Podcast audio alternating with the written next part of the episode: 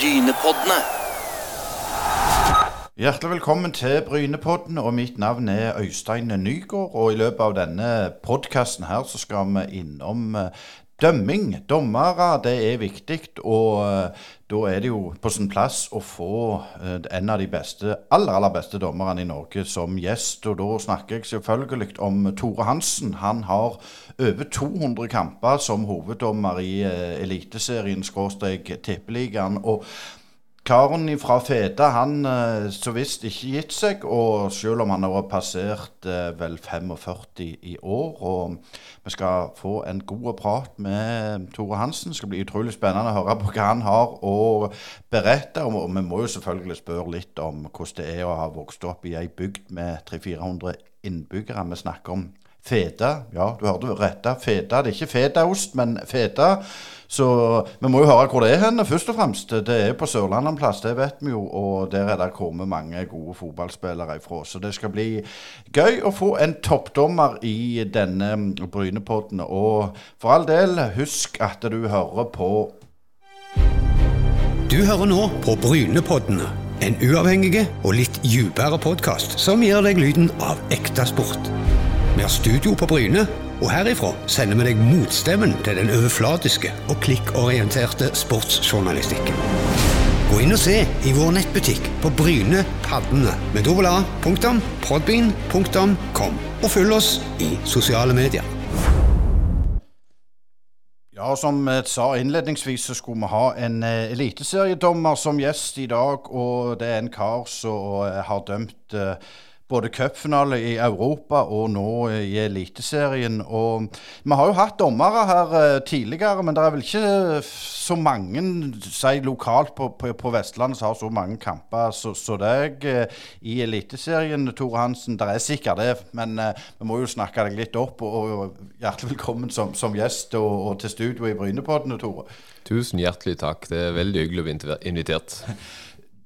Vi må jo litt innom uh, plassen du er oppvokst. Eh, for feta Feda er jo ikke verdens navle. For de som ikke er kjent med Feda, så er det vel 300-400 innbyggere der. Og, og Fortell litt om, om plassen. Ja, det er definisjonen på ei, på ei sørlandsbygd, sånn sett. Det er et lite paradis. Det er det, altså. Så der finner du alt som er typisk for Sørlandet. både sjøbu og, og eh, ei, ei fedaån som du kan seile i, og du kan på en måte finne roen veldig lett. Så der er både høye fjell, og der er lave daler, og der er, det er så koselig som det kan få blitt. Vi mangler bare palmen, så er det palmekyst.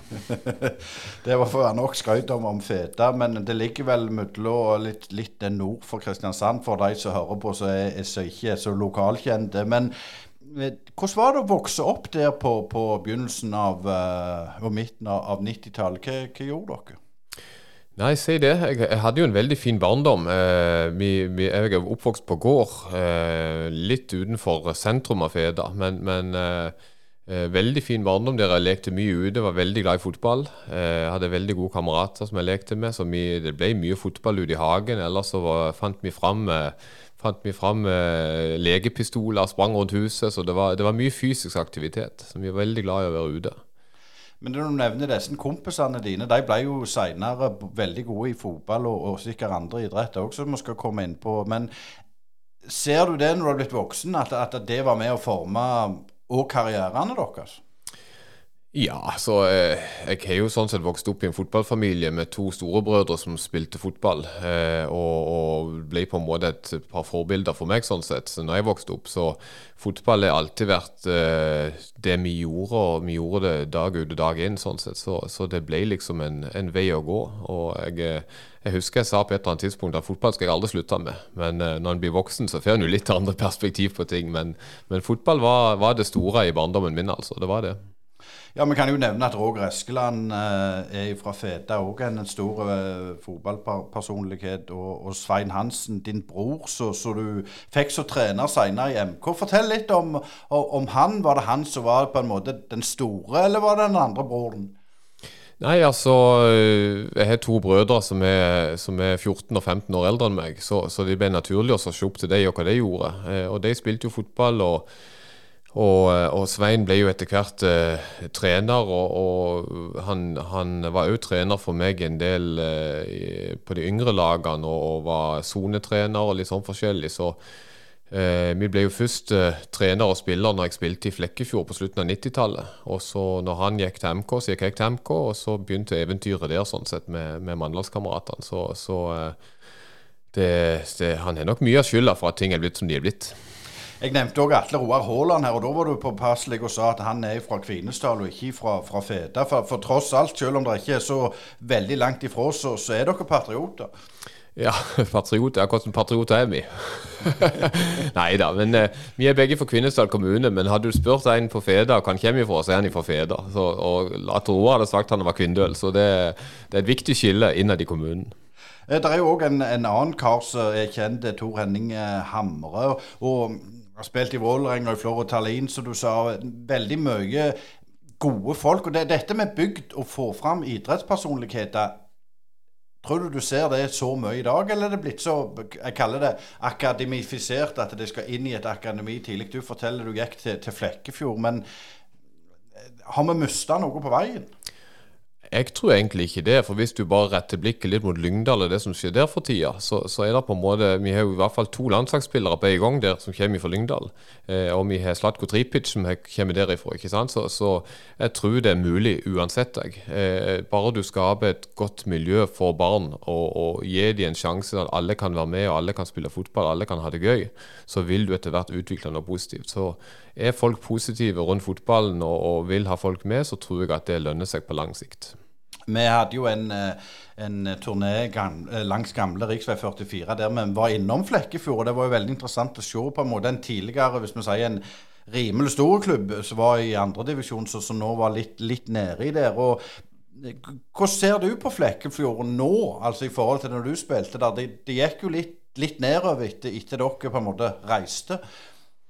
Ja, altså jeg tror en klubb som Flekkefjord, som på en måte ikke ligger i nærheten av noen høyskole, vil, vil ha sine oppturer, ha sine nedturer. Eh, for, for, spillere er til tider vanskelig å få tak i og, og få til klubben eh, og holde fast på dem. Fordi at de, de, fleste reiser jo vekk på et eller annet tidspunkt når de kommer ut av videregående skole, så, så, må de så antageligvis vekk.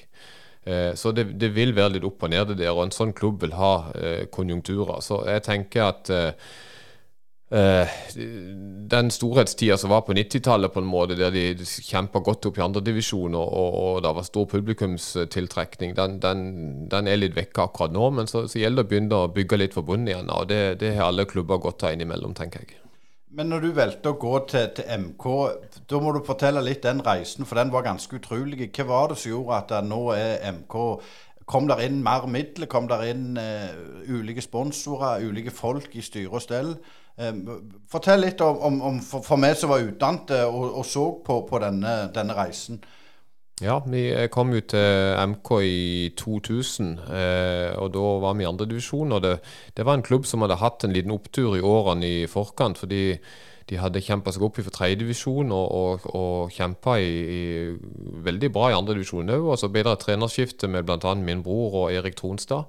Um, og vi fikk jo umiddelbar suksess med opprykk på første året. Um, og det er klart at når du får en opptur sånn som det der, og, og du får med støttespilleren rundt, og det ble en, en uh, skikkelig fanskare, så ble det noe som alle dro i samme retning. Uh, og, og, det ble jo veldig gøy, for vi fikk jo gode resultater med i gang. Og, og da vil spillere òg komme til klubben. Så, så, i veldig mange år så ble MK dreven veldig bra, uh, og alle var med, som jeg sa. Så, så jeg tror det er mange faktorer som spiller inn for at en klubb som MK skal kunne klare dette her. Eh, og vi klarte det over mange år, Skjønner at ble noen opprykk, eller nedrykk og opprykk igjen. Eh, men, men, det var jo et eventyr av dimensjon av det vi var med på. Så vi var, vi var privilegerte som fikk lov å være med på det. Ja, for I det MK-laget der så kan du nevne Karlsbakke, Smerud, deg sjøl. Eh, ja, du må jo bare nevne at det var et godt fotballag. Ja, absolutt. og, og og da kom jo, kom jo gode spillere fra Hordaland, og da kom, der kom Atlora Haaland var der jo, ikke sant? Tor Henning Hammer var innom. ikke sant? Så, så det, var, var, veldig mange gode spillere. Så, så eh, vi fikk jo til noen vanvittig flotte resultater òg. Eh, Bl.a. vi banka Start tre ganger på ett år. ikke sant? Det, det må vi alltid nevne. Så, eh, så det, var, det, var, veldig artig. Du òg var jo spilte fjerderundekamp mot Rosenborg, der dere dere tapte vel med, med ett mål, og du var, du var nære med å, å, å, gjøre det helt store for MK. Husker du den kampen? Du sa før vi gikk på at du husker lite av det som skjedde før, men den husker du? Jeg husker det, jeg gjør det. Og jeg må jo huske at kampen før så, så slo vi jo Odd lurer av 4-0 eller 4-1 i, i, idrettsparken i Mandal. Eh, så, så med, med f.eks. Tommy Svindal Larsen på laget. ikke sant? Så det var jo et bra lag å slå ut. Og så var det å reise opp til Lerkendal etterpå, og det var jo kjempestor, kanskje det største en kan oppleve når en er MK, på en måte. At du kan opp til Lerkendal og skal spille kamp mot, mot Steffen Iversen og gjengen. Så, så det var utrolig gøy. og vi hadde jo et skudd i tverrligger, husker jeg, eh, med eks-Bryne-spiller Espen Erseid, som, som, eh, som, vi var jo nære på å faktisk vinne den kampen. Og så tror jeg det var Steffen Iversen som i de siste minuttene skårte 1-0, der ballen gikk unna og vår veldig gode keeper Bjørn Arl Hofstøl. Ja, det stemmer, det. Så, så eh, det, det, var, det, var, en kjempestor opplevelse. Men MK skal jo ikke slå Rosenborg på Lerkendal, men det er derfor cupen er gøy. Men sånn som i dag, så er det jo Inge Nilsen, tidligere Bryne og MK-spiller som du spilte med, som daglig leder. Har du litt sånn kontakt med MK-miljøet? Du, Det blir ikke så mye kontakt nå for tida, det, det gjør ikke det. og Jeg, jeg sier alltid til meg sjøl at jeg må, jeg må, stikke innom oftere. Men, men uh, tida går, det er en travel hverdag. Og, og, men vi liker jo Mandal. Jeg har bodd i Mandal i fire år, og, og, vi liker Mandal veldig godt. Så vi prøver når vi kan å reise bort. Og hvis det treffes med en, med en kamp, så, så, prøver jeg å komme meg innom. Men uh, det blir litt for sjelden, dessverre. Vi må jo selvfølgelig innom eh, det andre laget der sør for å fyre opp stemninga litt. Eh, Start, der kunne vi jo lagd en poddy som gikk i eh, dagevis. Men det når dere var oppe, du nevnte dere slo de tre ganger. Jerv har vært oppe og vært over de, har slått de. Det er litt sånn, det der startfenomenet har vi snakket i, i denne podkasten mange ganger. Det er ganske utrolig at de er så variable. Er det det at de ikke klarer å få den driven som dere fikk? Er det noe med det, tror du? Nei, Jeg vet ikke om uh, altså det, det, blir jo bare spekulasjon fra min side, men, men uh, det viser seg jo at klubber som lykkes, har jo veldig ofte en langsiktig plan og tålmodighet. Eh, og Det kan virke litt som at en, til tider så blir Start litt for utålmodige. At når en kommer ned i, i Obos-ligaen, så skal en opp fortest mulig, istedenfor kanskje å bygge stein på stein og ta seg tid. Men, men jeg vet ikke. Det er nok mange krefter som drar i en så stor klubb som Start er. Og det er jo først og fremst synd at ikke Start klarer å etablere seg som eliteserielag, syns jeg. For vi trenger, et, vi trenger et, flaggskip på Sørlandet. Og, og, og, og, Start har jo tradisjonen og historien bak seg som gjør at de, de bør i hvert fall være en utfordrer til den posisjonen. Ja, absolutt. Og, og MK de eh, jobber jo godt i aldersbestemt og får opp eh, en del talent ennå. Og hvis du ser også, Der føler jo jeg Viking eh, sånn her lokalt har vært veldig flinke med det å få, få dette trenerløftet. De ute i klubbene og bygger opp utdannede. Um, har Start vært Jeg må litt innom det med Start. Har Start vært flinke nok der, syns du? Eller, eller, er det sånn som så du er litt utenfor og, og, har kontroll på? Ja, altså Jeg er jo ikke noen Start-ekspert i det hele tatt. For jeg, jeg, bor jo midt mellom Kristiansand og Stavanger. ikke sant? Så, det, så liksom, eh, Jeg kunne like godt kommentert om Viking på, på et vis. Men, men eh, en ser jo det som skjer, på en måte. og, og dette med å bruke lokale spillere, og det, det, er jo noe som alle de store klubbene burde, burde ha, med, i balanse med dette med å hente inn spillere for å løfte kvaliteten. Eh, så eh, jeg, jeg, syns bare det er synd at Start ikke klarer å etablere seg opp i Eliteserien. Eh, og jeg håper det skjer innen, innen kort tid, så vi får et, et, slagkraftig lag på Sørlandet som er, ligger jevnt oppe i Eliteserien og kan kjempe der. Men det kan jo du fikse med, men du er jo dommer, så du kan jo bare dele ut noen litt sånn billige straffer der nede, så går det greit? Ja, men nå dømmer jeg i Agder, så det er liksom vanskelig for meg å dømme Start. Stemmer det. Du har jo en sivil jobb eh, utenom. Du er mm, lærer i, i Flekkefjord, eh, vel. Og eh, går det greit å kombinere med, med dagens dommergjerning? Ja, altså når jeg fikk jobb på Flekkefjord ungdomsskole for en, vel tolv år siden nå, så visste de jo sånn sett hvem de ansatte. Så jeg var nokså tydelig på at at uh, skal jeg jobbe her, så, så, så, må det bli sånn at jeg må ha fri til kampene mine. Og det har aldri vært et problem. De legger veldig godt til rette for meg, og det er nesten for meg bare å, å, å gå ut av døra sånn sett når jeg trenger det. Men, men heldigvis er det ikke sånn. Men uh, det er en tilpasning både for skolen og en tilpasning for meg, for jeg må på en måte forberede det som andre skal gjøre når jeg er vekke, og, og, og se på det etterarbeidet i etterkant når jeg kommer tilbake. Så, Men hvilket fag er du underviser i? Du, er, Nå er jeg 50% lærer, så jeg begynt som rådgiver i tillegg. Eh, så eh, nå eh, underviser jeg i engelsk og KRLE og valgfaget trafikk for øyeblikket. Så, så, det er spennende fag. Så det er gøy med, gøy med ungdomsskole, for det er, jo, det er, jo, kanskje den fasen i livet der, der de utvikler seg mest i løpet av tre år. Så, så det, det er en spennende tid. Når det gjelder din si, politiske engasjement, så ser jeg her at du har, vært, du har engasjert deg. Du har gitt rødt kort til Greenyard og eh, noe om noe borerigg og noe greier. Um, husker du det? Å oh, ja. ja nå, nå, begynte jeg å lure på hva du snakker om. Men ja, det stemmer det. fordi at det var vel ikke et rødt kort, sånn sett, men det var vel mer journalistikken som, som eh, la ord i munnen på meg. Men eh, nei, de ville plassere en borerigg midt i, midt i Fedafjorden, holdt jeg på å si. Midt i åsynet til alle innbyggerne. Og, og, det ville vi ikke ha noe av. Vi, vi skal beholde den vakre skjærgården vi har, så kan de heller finne andre plasser. Må ikke komme her og komme her. Nei, det var, men det var litt det som var inngangen. Altså, ja. Det er jo litt Nå kan jeg si det sjøl, som er fra ei bygd. Det er klart det er jo litt spesielle forhold der. og, og folk flytter ut. Men er det fraflytting? Er det, altså Vi hadde under Sira vi snakket om, der var det fraflytting. Det var ingen bedrifter som liksom, hadde guts eh, og, og, mulighet til å drive der inne. Hvordan er det nå i Feda? Nei, Jeg tror det går nokså bra for tida. fordi det, er stadig, det kommer stadig opp nye hus og, og nye byggefelt. og, og det, det, ser egentlig veldig bra ut. Det er en god drive i, i, i eh, befolkninga som bor der. Det er mange arrangementer, mye dugnad. Så, så, det virker som det er en positiv trend. Så, så Fede Feda er absolutt en plass å komme til hvis en vil være del av et flott miljø. Bare du ikke holder på å ødelegge naturen, for det skal du ikke ha noe Nei, det skal vi ikke ha noe. Eh, nå, nå, er vi vel på 2000-tallet. Nå har ikke jeg sett når du la opp som fotballspiller. så det, Hvis jeg sier at det var Ja, det nå klarer jeg ikke å se her. Men, men du spilte veldig mange mm, det var over 100 kamper i Obos-ligaen for MK og en del mål og sånn. Eh, så ga du deg, eh, og så ble det dommer. For du begynte jo seint som dommer. og Fortell litt om den overgangen, og hvorfor valgte du det? Ja, eh, nå var det sånn at eh, nå spilte jeg vel i MK fra 2000 til ca. 2009. Eh, men i 2005 så reiste jeg til England. Eh, og det var rett og slett fordi jeg hadde funnet ei engelsk eh, frue der borte.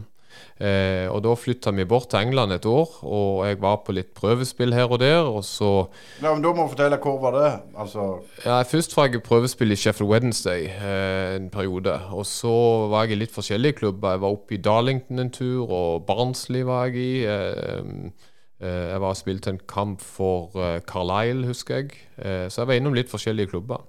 Eh, og så jobba jeg litt som sånn lærervikar på diverse engelske skoler i, i nærområdet da, mens vi bodde hos foreldrene hennes. Um, og mens jeg jobba på en skole, så var det faktisk en musikklærer der eh, som drev med dommerkurs. Og dette er i distriktet som Howard Webb kommer ifra, så det er der han på en måte hører til sånn dommermessig. Eh, så han, Vi snakket jo mye om fotball den, med, med, denne musikklæreren, og han, han, sa en dag til meg kan du ikke bare komme og ta dommerkurs. Eh, for jeg sa det, det hørtes alltid vært litt interessant å kunne prøve det. Så jeg gjorde det, tok et dommerkurs i England. Og neste år så ville MK ha meg tilbake, så da flytta vi tilbake til Norge. Eh, og flytta til Mandal i 2006. Og da sendte jeg en mail til han som var ansvarlig i kretsen i forhold til dommerne, Odd Jarle Larsen, tidligere assistentdommer i Eliteserien. Eh, og han sa nå setter dere opp i en kamp, og så prøver vi. Og da dømte jeg i april 2006 dømte jeg min første kamp på kunstgresset i Mandal i sjette divisjon.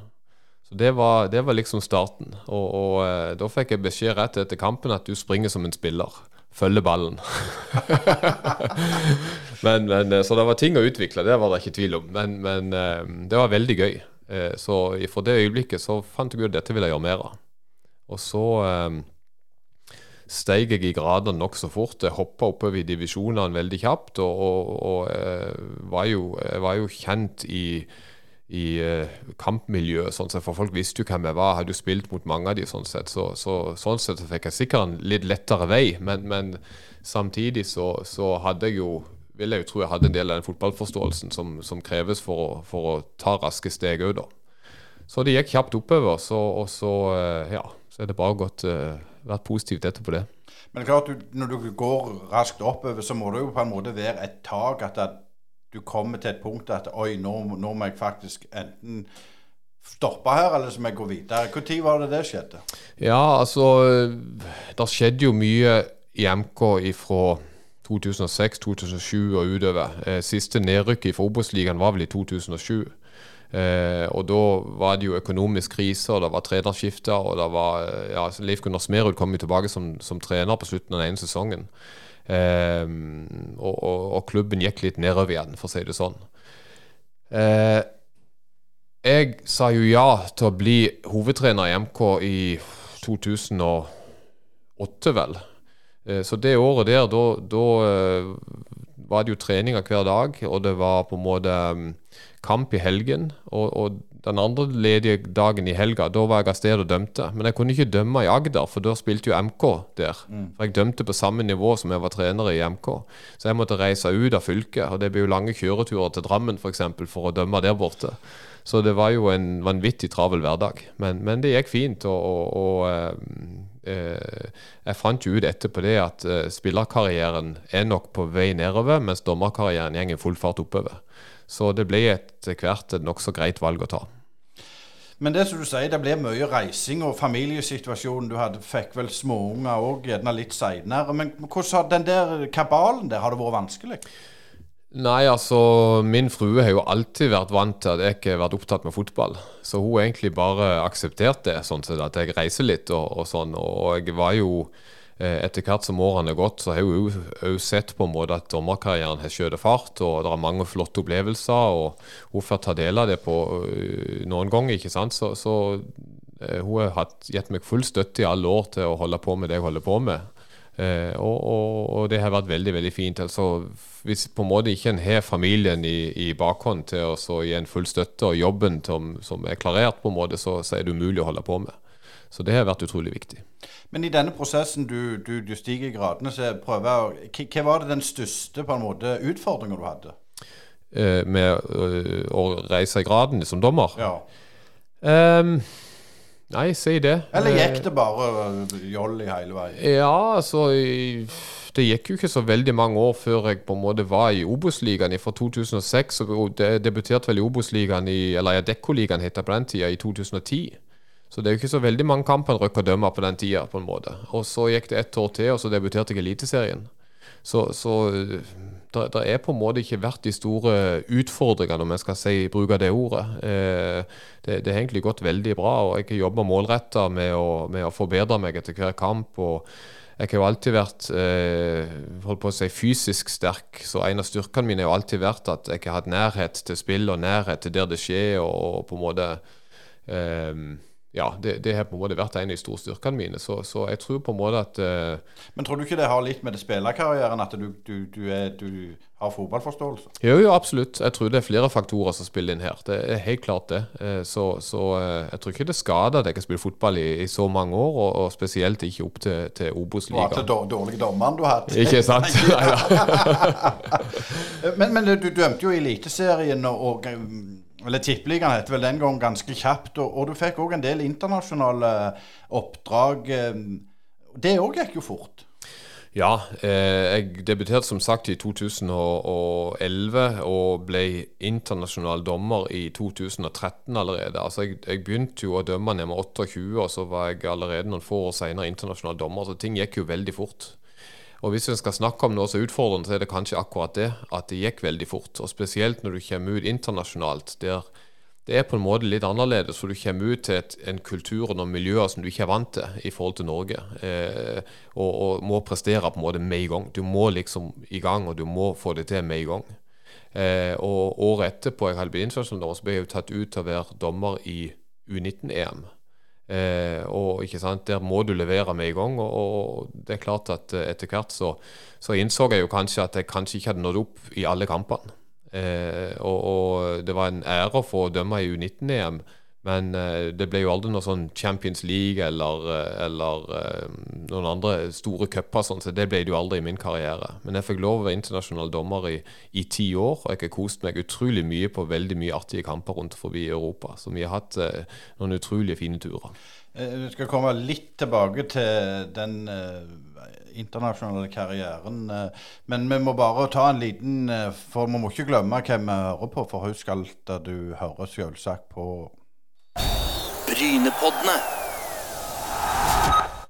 Eh, Vi snakket om internasjonale karrierer. og det er U19-EM, der var det jo en norsk eh, Nå, nå sier vi ikke trio lenger, nå ble jeg litt svar skyldig. Hva er det vi sier? Hvor mange er det nå som dømmer? Eh, hva tenker du På på? finalen hadde jo en norsk dommerteam. Ja, Eh, nå nylig, mener nå du? nylig, ja. ja. ja, Espen Eskås med sitt team. Altså, De var tre stykker som reiste til, til, til det U21-EM. Ja. ja. Jeg sa Så det- U19, jeg. Var ja, feil. U21, ja. Så nei, det er jo en kjempeprestasjon. Og når de i tillegg dømmer utrolig godt og får lov å dømme finalen, så er jo det et kjempeklapp på skuldra i forhold til det teamet og den jobben de har gjort. Så jeg er nokså sikker på at det er mye spennende oppdrag i vente for dem i tida som kommer. Men de må være tålmodige, og de må bruke tida, og de må huske hvem de er, sånn sett, ikke sant, i forhold til å, å dømme som de alltid har gjort, og, og, være solide på den måten. Så, så det er fjær i hatten til norsk dommerstand, og det er fjær i hatten til teamet som var der nede. Men hvor viktig er det for Norsk Dommerforening si, at de får sånne oppdrag, og gjør det godt? Jo, det er kjempeviktig. Det er klart det. Vi, vi ser jo tilbake på ei storhetstid med, med Terje Hauge som dømte Champions League-finale, og Tom Henning Øvrebø og den tida der. Det er mange gode dommere som dømte høyt oppe i Europas uh, dommersystem. Eh, og det, det er en stund siden nå siden vi har hatt dommere der oppe. Svein Oddvar Moen var jo i eh, elitegruppa i en årrekke. Men så har det vært eh, noen år nå med noe, noe nedetid, for å si det sånn. Så nå er det viktig at de unge og gode dommerne kommer tilbake. Og, og, og nå fikk Espen og teamet hans vist seg fram på en skikkelig god måte. Og så er det mange spennende unge dommere som er rett bak han, som, som dømmer veldig, veldig godt. For du sa at du dømte U19, sånn var det. og, og var det på en måte sånn i sitt i ettertid, det, følte du at du ikke presterte godt nok der da? Er det det som gjør at du ikke fikk så mange Du, du har jo dømt f.eks. Røde Stjerne og eh, mye, mye spennende internasjonalt, men, men du, du, det har liksom ikke blitt Champions League, og, og, og det, du nådde ikke helt der opp. Nei, altså den Det kan jo være at den turneringa sånn sett ble eh, Jeg fikk jo sjansen veldig tidlig til å dømme den turneringa, bare etter ett år som Fifa-dommer. Eh, og, og reiste til, til Ungarn og, og skulle være der i, i eh, to-tre uker. Eh, hadde jeg dømt den turneringa noen år seinere, så er jeg nokså sikker på at jeg hadde gjort det mye bedre. Men da hadde jeg vært for gammel. Da hadde de ikke villet hatt meg i den turneringa, på en måte. Så, så jeg er jo veldig takknemlig for at jeg som begynte å dømme så seint, har fått alle de mulighetene jeg har fått. Jeg har fått sjansen til å komme opp i Eliteserien, dømt så utrolig mange kamper som jeg har gjort allerede til nå. Eh, fått lov i internasjonal dommer. Eh, samtidig så, så må du si at jeg må prestere med i gang når du først kommer ut der, og, og der har jeg hatt dårlig tid. Så, så når ikke det lykkes med i gang, så, så er jeg på en måte litt ferdig med i gang òg. Så, så jeg hadde vel fem, seks, sju år med veldig mange fine kamper.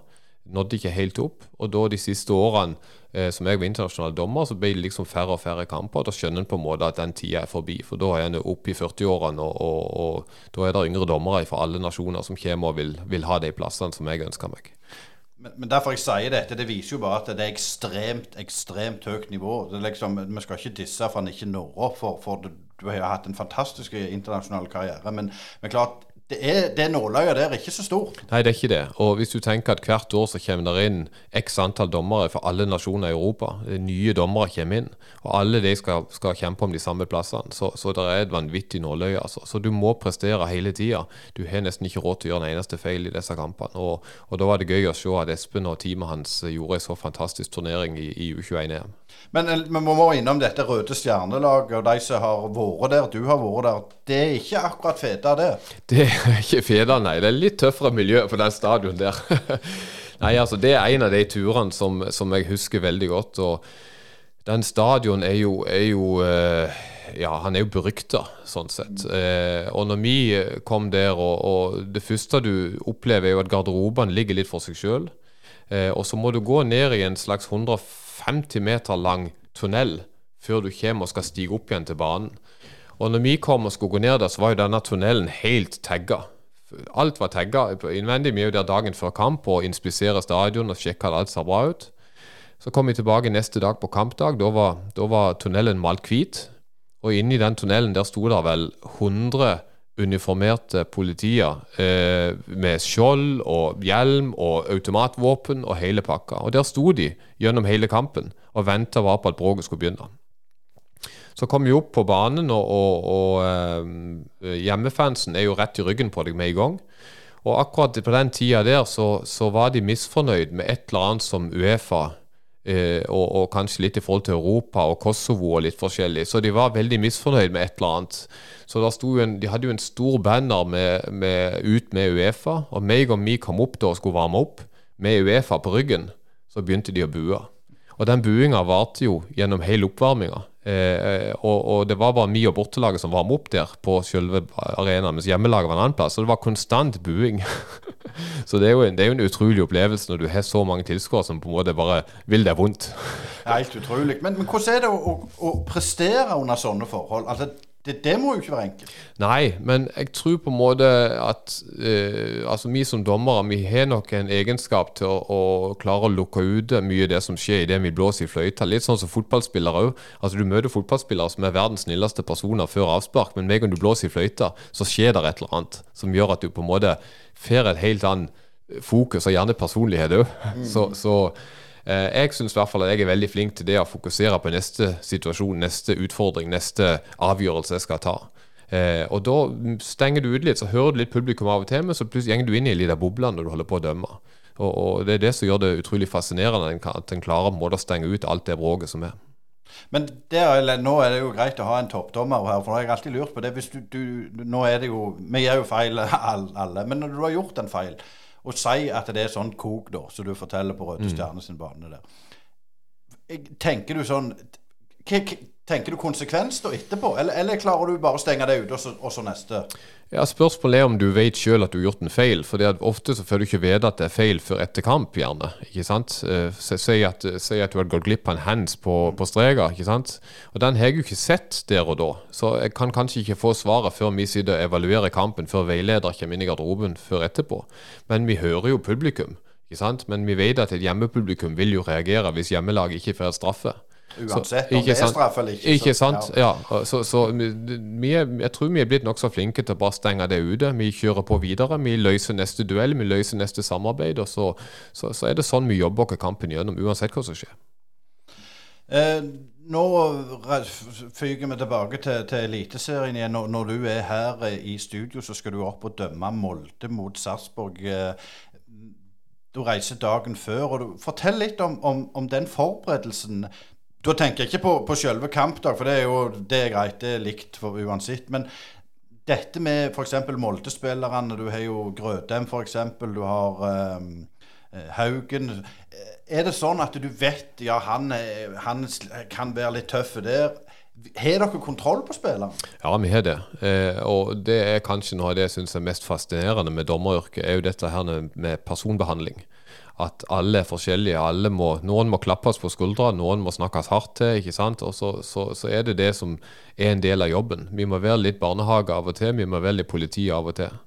Eh, men ja, vi gjør et grundig forarbeid før hver eneste kamp. Eh, kan du fortelle, gå litt inn på hvordan er det det hvordan det fungerer? Ja, først og fremst så, så, er vi jo sånn sett forskjellige som blir satt opp til hver kamp. Og, og jeg jobber sammen med forskjellige assistenter, kanskje en helt ny fjerdedommer fra Post Nord. Eh, og så har vi jo eh, to som jeg kanskje eller kanskje ikke har jobba sammen med i forhold til eh, de som skal sitte i VAR-studio. Så først og fremst må, vi, så må jeg opprette kontakt med dem og bare få det formelle på plass. Og så begynner vi et lite forarbeid i forhold til å se på lagene, se litt på statistikk, se litt på hvem som på en måte hvordan har det gått med lagene i det siste? Er de i form, er de, i form? Er ikke i form? Um, uh, får de mye gule kort? Hvem er det som får gule kort? Hva får de gule kort for? Ikke det at vi skal være forutinntatt, men vi skal være forberedt på at dette her kan skje.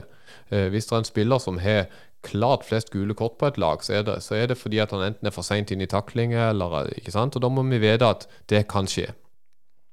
Så er det litt å se litt på, på på hvordan de spiller, og, og hvilke spillere som eh, eh, sier Er det spillere som mye offside, mye som satser på offside-linja og skal lure den, så er det assistentene som må vite om det.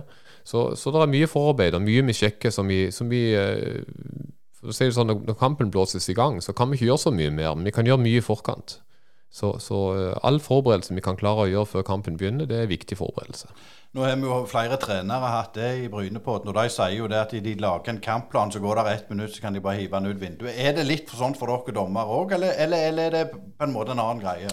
Eh, det er nok litt en annen greie, fordi at eh, når vi skal gjøre oss klar til kamp, så definerer jeg som på en måte kamplederen Jeg definerer litt hvordan jeg vil ha det. Hvordan jeg vil, at, jeg vil at den assistenten skal gjøre når jeg er i den posisjonen på banen, f.eks. Og hva skal da den andre gjøre når jeg er i den posisjonen? Eh, og hva skal fjerdedommeren gjøre? Ikke sant? Hva skal de ha fokus på i de gitte situasjonene på banen? Kommer det hjelpe meg å følge med på? Hvilken informasjon vil jeg gjerne høre når det og det skjer? Eh, så det er en veldig viktig forberedelse at, at jeg lager på en måte en plan som alle skal følge. Og da har de det ansvaret. Og hvis ikke de tar det ansvaret, så mister vi et ledd i, gjennomføringa. Eh, eh F.eks. Hvis, hvis vi skal identifisere en takling, så må jeg vite hvem som ser inn på en situasjon i forhold til vinkel, hvem ser på treffpunktet eh, og kraft osv. Så, videre. så Så det er viktig at alle har et ansvar for alle situasjoner som kan oppstå i løpet av en fotballkamp. Nå er det jo mye snakk om VAR og, og enkelthendelser etter hver eneste runde. Noe personlig jeg er drittlei av å, å, se og diskutere. For dommeren sin rolle er jo å, å ivareta sikkerheten til spillerne. Eh, det er jo pri én. Men, men, dette med, med, kontroll på en kamp Altså Det skal jo dommeren ha. Kontroll. Han skal styre utviklingen i en kamp. Når, når, du, når jeg vil bruke dette Molde-Sarpsborg, eh, nå blir det gjerne litt sånn Eh, du kan ikke si for mye, men, men er det sånn at du velger f.eks. OK, jeg velger å være tøff å gi et tidlig gult kort pga. det jeg har studert i forkant, tilsier at det er lurt å gjøre. Er det, er det, er det noe sånn dere gjør, eller, eller føler dere kampen? Ja, nei, vi ville aldri sagt at nå gir vi et tidlig gult kort uten at det er et, eh, kriteriene er oppfylt for det. Og, og, det må jo være et soleklart gult kort i tillegg. ikke sant? Vi må jo være helt sikre på at vi faller under kriteriene for en hensynsløs takling, f.eks. Eh, og det er jo ikke kampledelse på en måte i seg sjøl å dele ut et gult kort. Det er jo på en måte, jeg, Hvis jeg hadde valget, så hadde jeg ikke delt ut gule kort i det hele tatt løpende kamp. Da hadde jeg god dialog med spillerne og sørga for at alle snakker sammen. De kommer til meg og snakker rolig og, og bestemt. Eh, forteller meg hva de, hva de, er misfornøyd med. Så skal jeg lytte på dem til det, og så prøver vi å løse dette her uten at det blir 15 gule kort i løpet av en kamp. For da føler jeg ikke mista kontrollen. Så det, det, det, er bedre at vi har en god dialog på banen, eh, at spillet flyter. Eh, det må være fokus i hver eneste kamp. Ja, Det var veldig politisk sagt, for vi som har spilt fotball, vi vet jo at det går ei kule varmt ganske så ofte. og hvordan jeg ler litt, for jeg var vel den som ga litt beskjed sjøl når jeg spilte riktignok på et lågt nivå. Men, men det er jo noen gjengangere i Eliteserien òg. Men det må jo være litt nydelig at det er så forskjellige typer. Ja, det syns jeg absolutt. Altså, jeg, jeg, nevnte jo Slatko Tripic i stad, f.eks. Mm. Og jeg må jo si at eh, selv om, eh, selv om eh, Slatko på en måte er en som krever mye av en dommer, så, så krever vi like mye tilbake av han. på en måte. Vi er jo veldig glad for at han er en del av Eliteserien. Fordi at han, han skaper mye eh, engasjement for laget sitt, og, og, skaper litt ekstra krydder i fotballhverdagen, på en måte. Eh, og, og det finnes mange sånne spillere som på en måte krever det lille ekstra. Vi må vite hvem de er før vi begynner kampen, men samtidig så skal vi behandle dem eh, likt som alle andre. Vi skal ikke gi dem fortere et gult kort bare fordi de er det de er.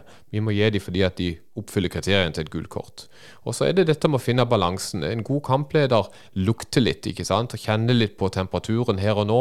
Kanskje det har med å spille litt inn på hvordan vi opptrer i løpet av kampen, men i det store og det hele så, så, er, jo, så er det jo gøy når vi har noen spillere som på en måte bringer litt krydder til den norske fotballhverdagen. Absolutt. Eh, men sånn videre for, for din del, eh, nå, nå, ble det eh, ikke mer internasjonale oppdrag, men du er vel 45, du har dømt to cupfinaler, og det må vi jo innom. Hvordan var det å få lov til å dømme det? Altså, dømme, Få lov å dømme én cupfinale er jo kjempestort. Og jeg husker jo i, i 2016 så, så, så, var det Ja, det var en helt fantastisk opplevelse. Eh, for du får jo vite det noen uker i forveien, og, og og du har et team med deg som òg har fått samme oppdrag. ikke sant? Og dette her noe vi skal gjøre sammen. Eh, en får anledning til å ta med seg familie og venner til, til, kampen, for det er jo kanskje en once in a lifetime-greie. Eh, og så er det fullsatt Ullevål stadion og hele den pakka der, eh, som gjør at det er, det er helt unikt.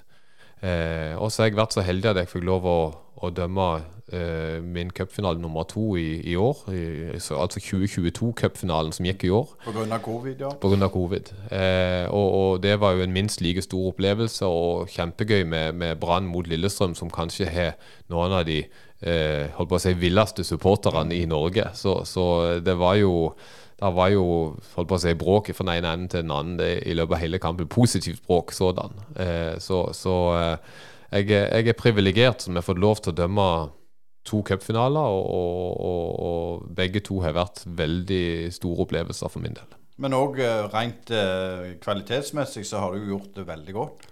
Ja, takk for det. Jeg håper det. Jeg, jeg føler jeg dømmer godt, eh, og jeg syns jeg syns på en måte at jeg, tatt, jeg tar nye steg hvert år. Så jeg, jeg stortrives med dømminga. Jeg, jeg, gleder meg til neste kamp hver gang og, og syns det her er kjempegøy. Så, så uh, forhåpentligvis så har jeg foran meg mange flere år med, med, med dømming uh, i, i, toppfotballen. Men Aldersgrensa både på internasjonalt og i, i eh, Norge og Europa, hva, hva er grensene der?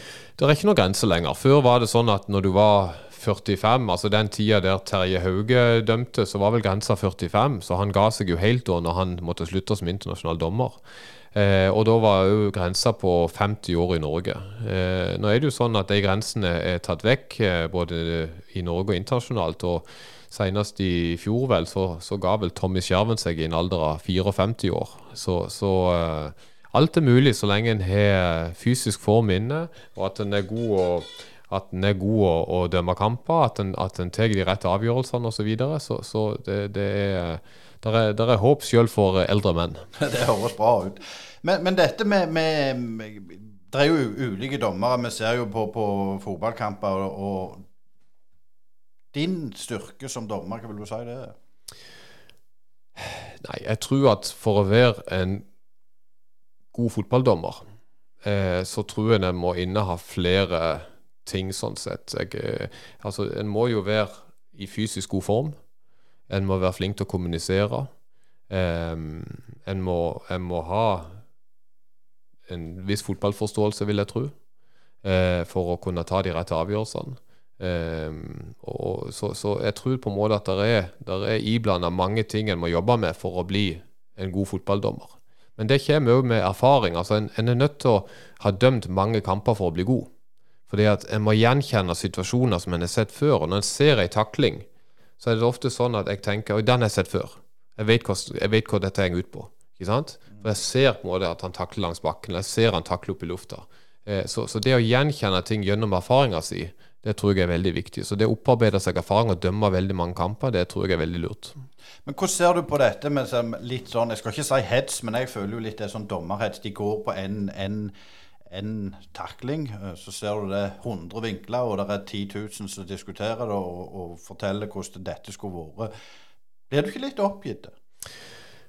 Ja, altså Det er jo ikke tvil om at samfunnet vårt, eh, sånn som det har blitt digitalt, gjør det lettere for folk å kritisere og hetse. Eh, og det er selvfølgelig en veldig usunn utvikling. Altså det, det, det, er litt for lett å sitte med mobilen eller med PC-en og sitte i sofaen hjemme og bare slenge ut en melding. Og når en skriver med tastaturet, så blir ofte meldinga litt krassere enn det en ofte ville sagt muntlig til folk. Så det er klart at eh, den utviklinga som er nå, det, det syns jeg ikke noe særlig om. Og det gjør det jo vanskelig for nye dommere komme opp og fram, fordi at de føler de får altfor mye kritikk og altfor mye lite positive opplevelser. Så jeg tror jeg skal være litt forsiktig med, med det en sitter og skriver og sender til folk uten å ha tenkt seg skikkelig om. For at en blir veldig opptatt av at laget sitt kanskje har gått glipp av et, et frispark eller et straffe. Og så blir liksom det hele fokus, istedenfor å se helheten i her. At det er faktisk folk ute her som gjør sitt beste, akkurat som spillerne gjør. Så, så, så eh, jeg, jeg, ser en litt sånn uheldig utvikling i, i, i, i eh, måten ting blir kommunisert fra supporterne, som er veldig, veldig glad i fotball. Men Det er et godt poeng der. for det, Hvis det er den spiss som bommer på si to straffer, da, så blir jo det blir ikke så fokus på. Men hvis, hvis en dommer gjør noe, så blir det så ekstremt fokus på. Har du reflektert over hvorfor det er sånn? Ja, jeg har faktisk det. fordi jeg, jeg, jeg, tenker ofte Jeg husker jo for noen år siden da når, når, eh, når eh, eh, det ble skåret et mål eh, jeg lurer på om det var, var det Vålerenga Start eller noe sånt, kanskje. Der det ble skåret et mål nesten innenfor midtbanen. Det var vel keepers oppe og slo uh, en lang ball opp i feltet, og så klarte ikke keeper å fange ballen, så gikk han bare rett i mål. Mm. Men forskjellen på, på, det en keeper da gjør der, og det en dommer gjør hvis han gjør en feil, er at keeper holder seg til hodet. Han, han viser med all sin at her har jeg gjort en feil. Alle skjønner han har gjort en feil. Mens en dommer gjør på en måte ingenting. fordi at i veldig mange tilfeller så vil ikke jeg vite at jeg ikke har gjort en feil før etter kampen. Ikke sant? Så, så, så vi går ut på det og gjør vårt beste, prøver å løse neste situasjon hele tida. Men, men, vi har ingen måte å vise på at Oi, her har jeg faktisk gjort en feil, utenom når det er helt tydelig vi kan rette hendene i været.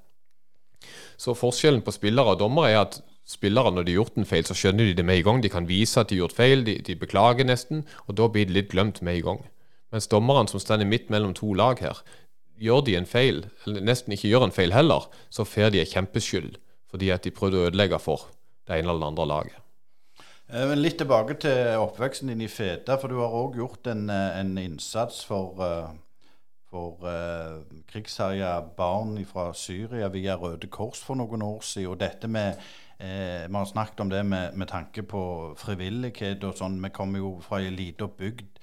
Hvordan ser du på det, at folk tar samfunnsansvar? Ser du det som noe som kommer til å øke, eller syns du at det er litt urovekkende òg med tanke på at du er lærer og du ser hvordan ungdommen og hva de tenker og gjør? Nei, jeg, jeg, tror folk vil gjøre sitt aller beste. Sånn. Så vi, vi, blir jo litt opphengt eh, Altså, Vi kommer jo fra Norge. Vi kommer fra kanskje et av verdens beste land å bo i.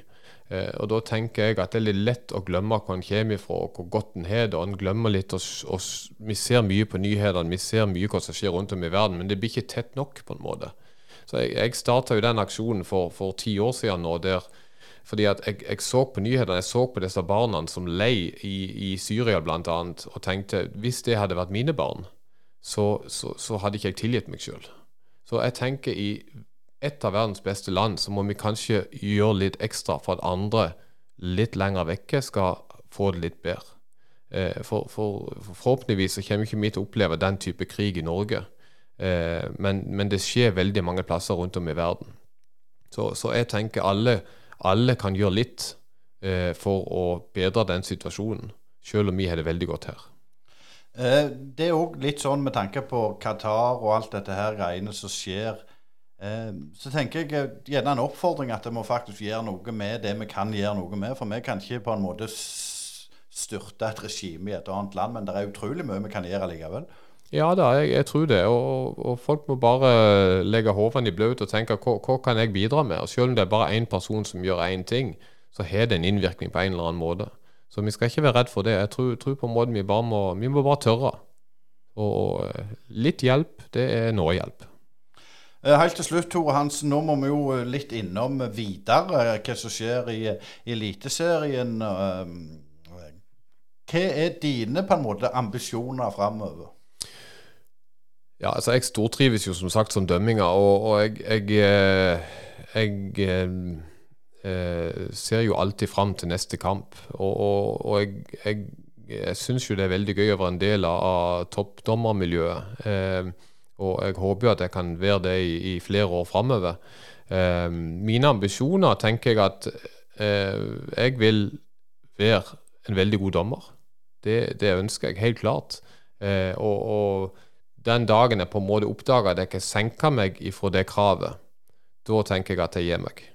Eh, men fram til den tid så, så, har jeg et ønske om å dømme min aller beste fotballkamp i neste runde. Eh, og, og, det tenker jeg er et viktig mål, at neste, neste situasjon på banen det skal være min beste avgjørelse. Så, så Eh, for meg er det så enkelt som at hvis jeg senker meg for det kravet der, så, så jeg ikke, gjør jeg meg ikke fortjent til å, å dømme i toppfotball. Vi hadde jo Terje Hauge i Brynepodden her for, for, noen måneder siden. Han sa det at dette med VAR altså Hvis du har gode dommere, så vil de bruke VAR på en annen måte. Eller hvis det er jeg skal si, Han som brukte ikke ordet 'dårlige dommer', det er det jeg som gjør. Men, men, men at det var òg det, det, er ikke så lett som det høres ut til. Altså Hvis, hvis du har en erfaring med det, så gjør du òg riktigere avgjørelser. Det er din erfaring òg. Hvordan føler du dette går? Si? Ja, jeg syns jo Først og fremst skal jeg si litt om det. Sånn sett VAR-innføringa i Norge syns jeg har gått veldig bra. Eh, det har vært relativt lite fokus på det. Eh, de første par rundene var det noen situasjoner rundt hodeskade som, som, litt sånn tilfeldig havna samtidig, og så ble det forskjellig utfall. Eh, men vi sa jo før sesongen at det, må kjøres inn her. Det må gjennomføres, og så må vi ordne litt opp på veien. Og sånn er det nødt til å bli. Um, nå har ikke jeg dømt så mye i, eller sittet så mye i VAR-studio ennå, sånn, så jeg har vært mest ute på banen. Men det er faktisk ikke så lett å sitte der. Fordi at du skal ta en kampavgjørende avgjørelse, med, selv med mange skjermer. Men du skal, du hva tid du skal gripe inn, og hva tid du ikke skal gripe inn. Og når det er så mye gråsone, og når det er så mye differanser mellom hvor den taklinga treffer og ikke treffer. Var ballen imellom? Hva var intensjonen til spilleren? Var det kraft, var det ikke kraft? Altså er så mange faktorer som spiller inn, som gjør det der til en vanskelig avgjørelse. Uansett om en sitter der og har sju skjermer, sju kamera, eller ti kamera, eller 13 kamera, så er det ikke en lett avgjørelse å ta. For det, det, du er med på å endre kampbildet med den avgjørelsen din. Så, så, så, så det å sitte i VAR-studio er jammen ikke lett. Men jeg, jeg, Nå liker jo jeg best å være på banen, da, men, men jeg syns det er kjempebra at vi har fått VAR i Norge. Og det, det, det, vil, det, vil, gå seg veldig til enda mer etter hvert. Og det som er fordelen, du trenger ikke å springe. Jeg hadde trivdes i VAR-rommet, tror jeg. Ja. Ja da, men uh, for å være uh, dommer i, i, toppfotballen, så må du være godt trent. Og du kommer ikke inn i VAR-studio uten å være en toppdommer, så uh, du må være godt trent uansett. Der røyk den. Ja. Tusen hjertelig takk for du tok deg tid til Brynepodden. Og du skal nå opp til Molde og dømme der, og som man sier på engelsk, I'll be watching you. Veldig bra. Og denne Brynepodden ble tatt opp altså så rett før Molde-Sarpsborg. Og, og når denne podkasten blir sluppet, så vet vi jo fasit på kampen. Eh, Molde vinner 5-1 etter Kitolanos hat trick. For Molde skåret òg Løvik og Linnes, og Lundqvist reduserte da for uh, Sarpsborg. Uh, vi må jo selvfølgelig òg nevne at Tore Hansen var hoveddommer. Erlend Hareland og Runa Langseth var assistentdommere, og Ivar Jahr og Marius Lien var i VAR-rommet. Interessant det med dette med VAR. Terje Hauge sa jo for noen ja, det er godt måned siden i denne Brynepodden at VAR blir brukt best til de gode dommerne. Da får det mest på en måte virke. Og i denne kampen, altså Molde Sarpsborg, så ble ikke VAR brukt en eneste gang. Og Tore Hansen han uh, har fullstendig kontroll og gir òg et rødt kort. Og det blir vel delt ut fire gule. Og tommel opp til Tore Hansen og hans assistenter for en fantastisk prestasjon. Det er gøy å se at uh, det kan dømmes godt uten VAR. Og så får vi bare håpe at han holder seg på beina for dere som følger med på statistikker og løgne klipp. Så dette Tore Hansen over ende etter 69,50. Så bare spol til det, for da detter han på trynet. Så det er den eneste litt skeiv i skøytene der, men ellers tommel opp for Tore Hansen sin prestasjon. og igjen, det var tusen takk til han som tok seg tid å komme inn. Og det er fordelen at studioet på Bryne ligger 20 minutter fra Sola Stavanger flyplass. Det var det vi hadde i denne Brynepodden. Vi høres igjen neste torsdag, og tusen hjertelig takk for at du tok deg tid på å høre på oss, og vi høres.